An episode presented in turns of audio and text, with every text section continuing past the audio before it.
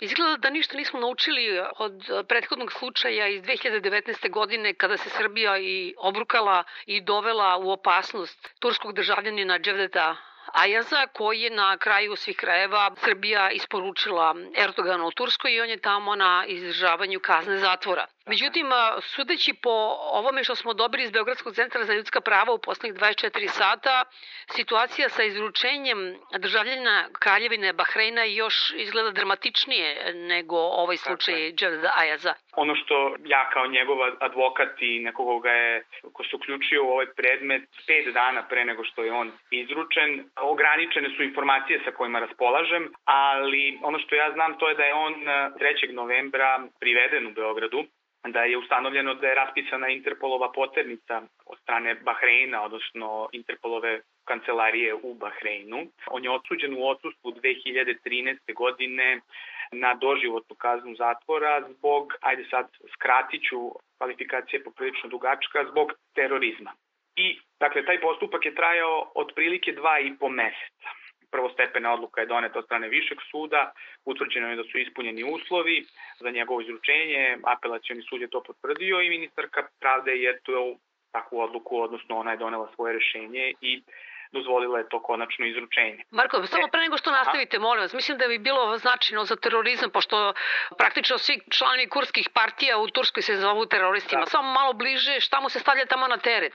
2007. godine on već bio žrtva torture, odnosno bio je priveden i mučen od strane bezbednostnih snaga u Bahreinu i to njegovo iskustvo opisao je Human Rights Watch u jednom svom izveštaju 2010. godine. Nisam rekao da je on šit, a vladajuća kraljevska porodica oni su muslimani suniti i tu ima, dolazi do problema, odnosno sukoba u samom eh, Bahreinu. On je takođe 2011. godine kada su e, bili protesti u Manami, u glavnom gradu Bahreina, e, u pitanju su bili mirni protesti koji su u februaru nasilno razbijeni. On je bio na tim, učestvovao je na tim protestima, toliko je bio povređen da je dve nedelje bio na bolničkom lečenju. Pored njega još 250, oko 250 ljudi je bilo povređeno tom prilikom, a pet ljudi je nastradalo. I on je izbegao iz eh, Bahreina, boravio je u raznim zemljama, počevši od Irana pa preko Iraka, Turske, došao je do Srbije. 2013. godine i 2015. godine on je osuđen u dva procesa, dakle postoje dva postupka koja su se vodila protiv njega i u oba postupka je on osuđen na doživotnu kaznu zatvora.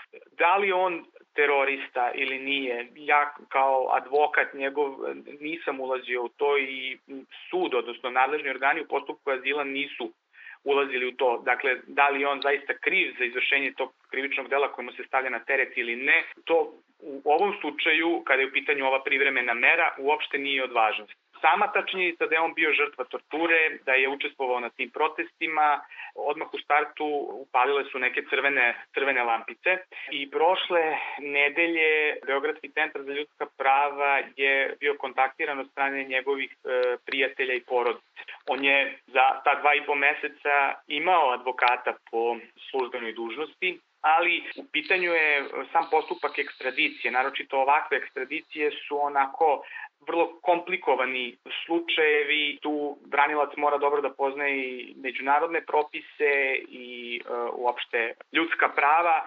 Centar je kontaktiran, dakle, prošle nedelje kada je postupak ekstradicije u potpunosti bio završen i jedino e, što je centru i meni kao njegovom advokatu ostalo na raspolaganju to je ta privremena mera Evropskom sudu za ljudska prava upravo iz razloga što je on u toku postupka je rekao da njemu tamo preti opasnost od mučenja i progona i da on traži azil u Srbiji, dakle on se pisanim putem obraćao i Višem sudu u Beogradu, Dakle, pre nego što ste vi sada se obratili Evropskom sudu za ljudska prava, znači ovde su i Viši sud u Beogradu, i apelacioni sud, i ministarka su rekli taj čovek mora da se izruči Bahreinu. Tako je. I da li njemu tamo preti opasnost od mučenja, nečovečnog i ponižavajućeg postupanja, to treba da ispituju i organi nadležni u postupku ekstradicije. Dakle, i Viši sud, i apelacioni sud, a naročito ministarka pravde. Dakle, ministar pravde takođe mora da vodi računa da li će u slučaju izručenja doći do povrede nekog međunarodnog propisa koji je Srbija ratifikovala. I koji je, dakle, predstavlja sastavni deo pravnog sistema Republike Srbije. A svi ti propisi kažu da nijedno lice ne sme biti vraćeno u državu u kojoj joj preti opasnost od mučenja nečovečnog i ponižavajućeg postupanja. Dolazimo do Evropskog suda za ljudska prava u Strasburu. Oni su u petak rekli Srbiji otprilike morate da pribavite više informacije, do tada preporučujemo da obustavite postupak ekstradicije. Tako je. Dakle, u petak uveče e, je stigla odluka o tom zahtevu da se izrekne privremena mera. Tu je Evropski sud rekao da Srbija treba da odloži izručenje e, ovog državljanina Bahreina do 25. februara. Do 11. februara Srbiji je ostavljen rok da odgovori na pet pitanja.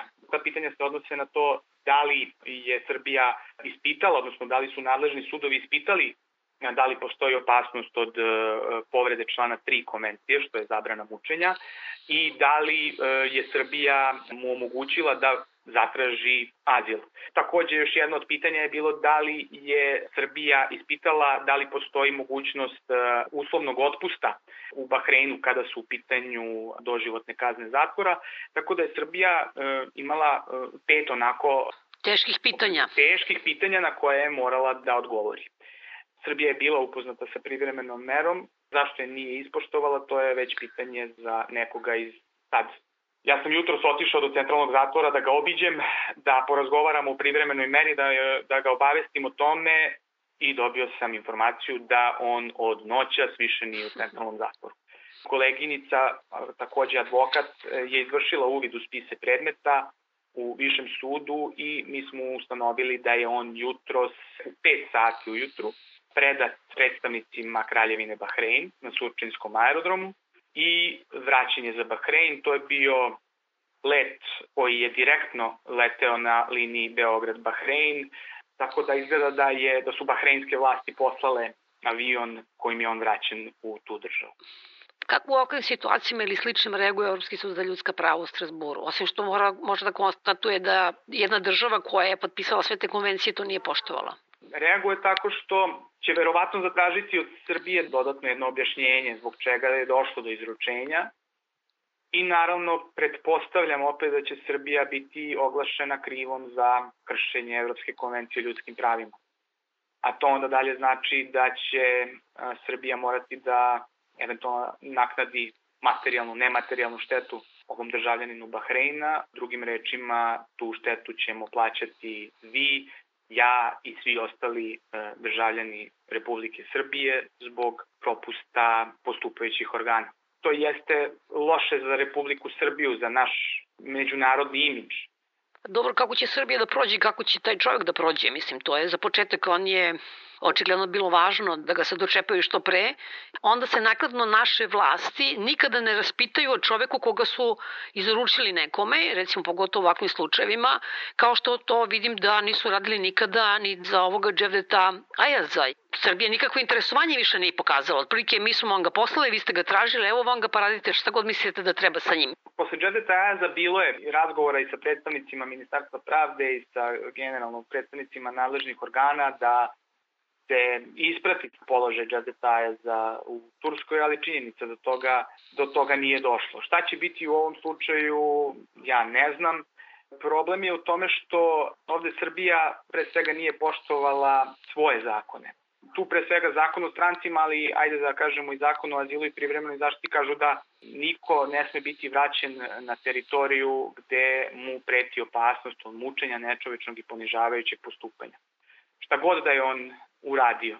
Naravno da je opšte mesto već da razni kriminalci i narkodileri se šetaju iz države u države pokušavajući da uteknu svojim organima vlasti. Ali mi sve češće govorimo zapravo o slučajima gde postoji ozbiljna sumnja da je u pitanju politički progon, verski progon ili progon na nekoj drugoj osnovi. U ostalom tome da Srbija sve češće dolazi u takve situacije potvrđuje i činjenica da je ona sklapala već sporazume sa Turskom ili sa Kinom kada su u pitanju Ujguri. Dakle, malo malo pa mi imamo neke međudržavne sporazume koji zapravo tim zemljama koje stvarno nisu uličenje zaštite ljudskih prava da jednostavno mi nemamo nikakav odbranbeni mehanizam tu, nego kažemo da, mi ćemo Turskoj izručivati državljane koji oni proglase da su teroristima. Ili Kini, Ujgure, ukoliko smatraju da oni ugrožavaju kineski, ne znam šta, zid, nije bitno šta. Da, kada je bio slučaj Džedeta Ajaza aktuelan, mislim da je tadašnji, pa sad više ne znam ni šta je bio, Ivica Dačić, da je izjavio jednom prilikom da Srbija neće biti utočište za parafraziram, možda i grešim, ali za teroriste, kriminalce koji beže od, od ruke zakona. Postupak ekstradicije postoji. Međutim, kada imate nekoga ko tvrdi da mu u toj državi preti opasnost od, od mučenja, vi ste dužni da to ispitate, naravno pre nego što izručite. Da je u ovom slučaju Republika Srbija odložila to izručenje, omogućila ovom gospodinu da uđe u postupak azila, sprovela postupak azila u skladu sa zakonom. Na kraju utvrdila da njemu tamo ne preti opasnost od mučenja nečovečnog i ponižavajućeg postupanja ili generalno uopšte progon, sasvim je bilo u redu da on bude vraćen ukoliko bi to na jedan zakonit način bilo ustano. Da njemu takva opasnost tamo ne preti. A mi se nismo ni trudili, odnosno ova država se nije ni trudila da uradi sve te korake. To je moje neko mišljenje je da e, Srbija gleda na te osobe kao na jedan vruć krompir. Hajde da ga se što pre rešimo. Da li ćete vi na koji način moći da pratite sudbinu tog čoveka? Mi smo u kontaktu sa njegovim prijateljima i članovima porodice, međutim mnogi od njih su takođe u izbeglištvu, ali preko njih pokušat ćemo da, da ispretimo šta se sa njim e, dalje dešava. U najboljem slučaju taj čovek je u zatvoru i ostaće tamo do kraja života. Bahrein je obećao da će oni ponoviti, pošto je njemu osuđen u odsustvu, da će mu se suditi opet. A dobro, onda može i na smrte da bude osuđen, zašto da ne? Postoji smrtna kazna u tom predmetu iz 2015. Tri osobe streljene su 2017. godine. E sad, ja se uzdam u to da ne mogu na težu kaznu da ga osude, odnosno da je najteža kazna na koju on može da bude osuđena ova doživotna kazna zatvora postoji mogućnost da se on odbrani, ali ja čisto sumnjam u tu opciju, odnosno pretpostavljam da će to ponovljeno suđenje biti ponovljeno samo kako bi se ispoštovala forma, da. a da će kazna ostati ista. Da, a ovo mi što smo uradili, uradili, to je sada nepovratno. To je nepovratno, kakve će štetne posledice nastati po tu osobu, to ćemo tek videti, ali generalno uopšte posledice po Srbiju vidjet ćemo kakve će biti u zavisnosti od toga šta, šta kaže Evropski sud za ljudska prava. Marko, hvala vam puno na razgovoru. Nema na čemu.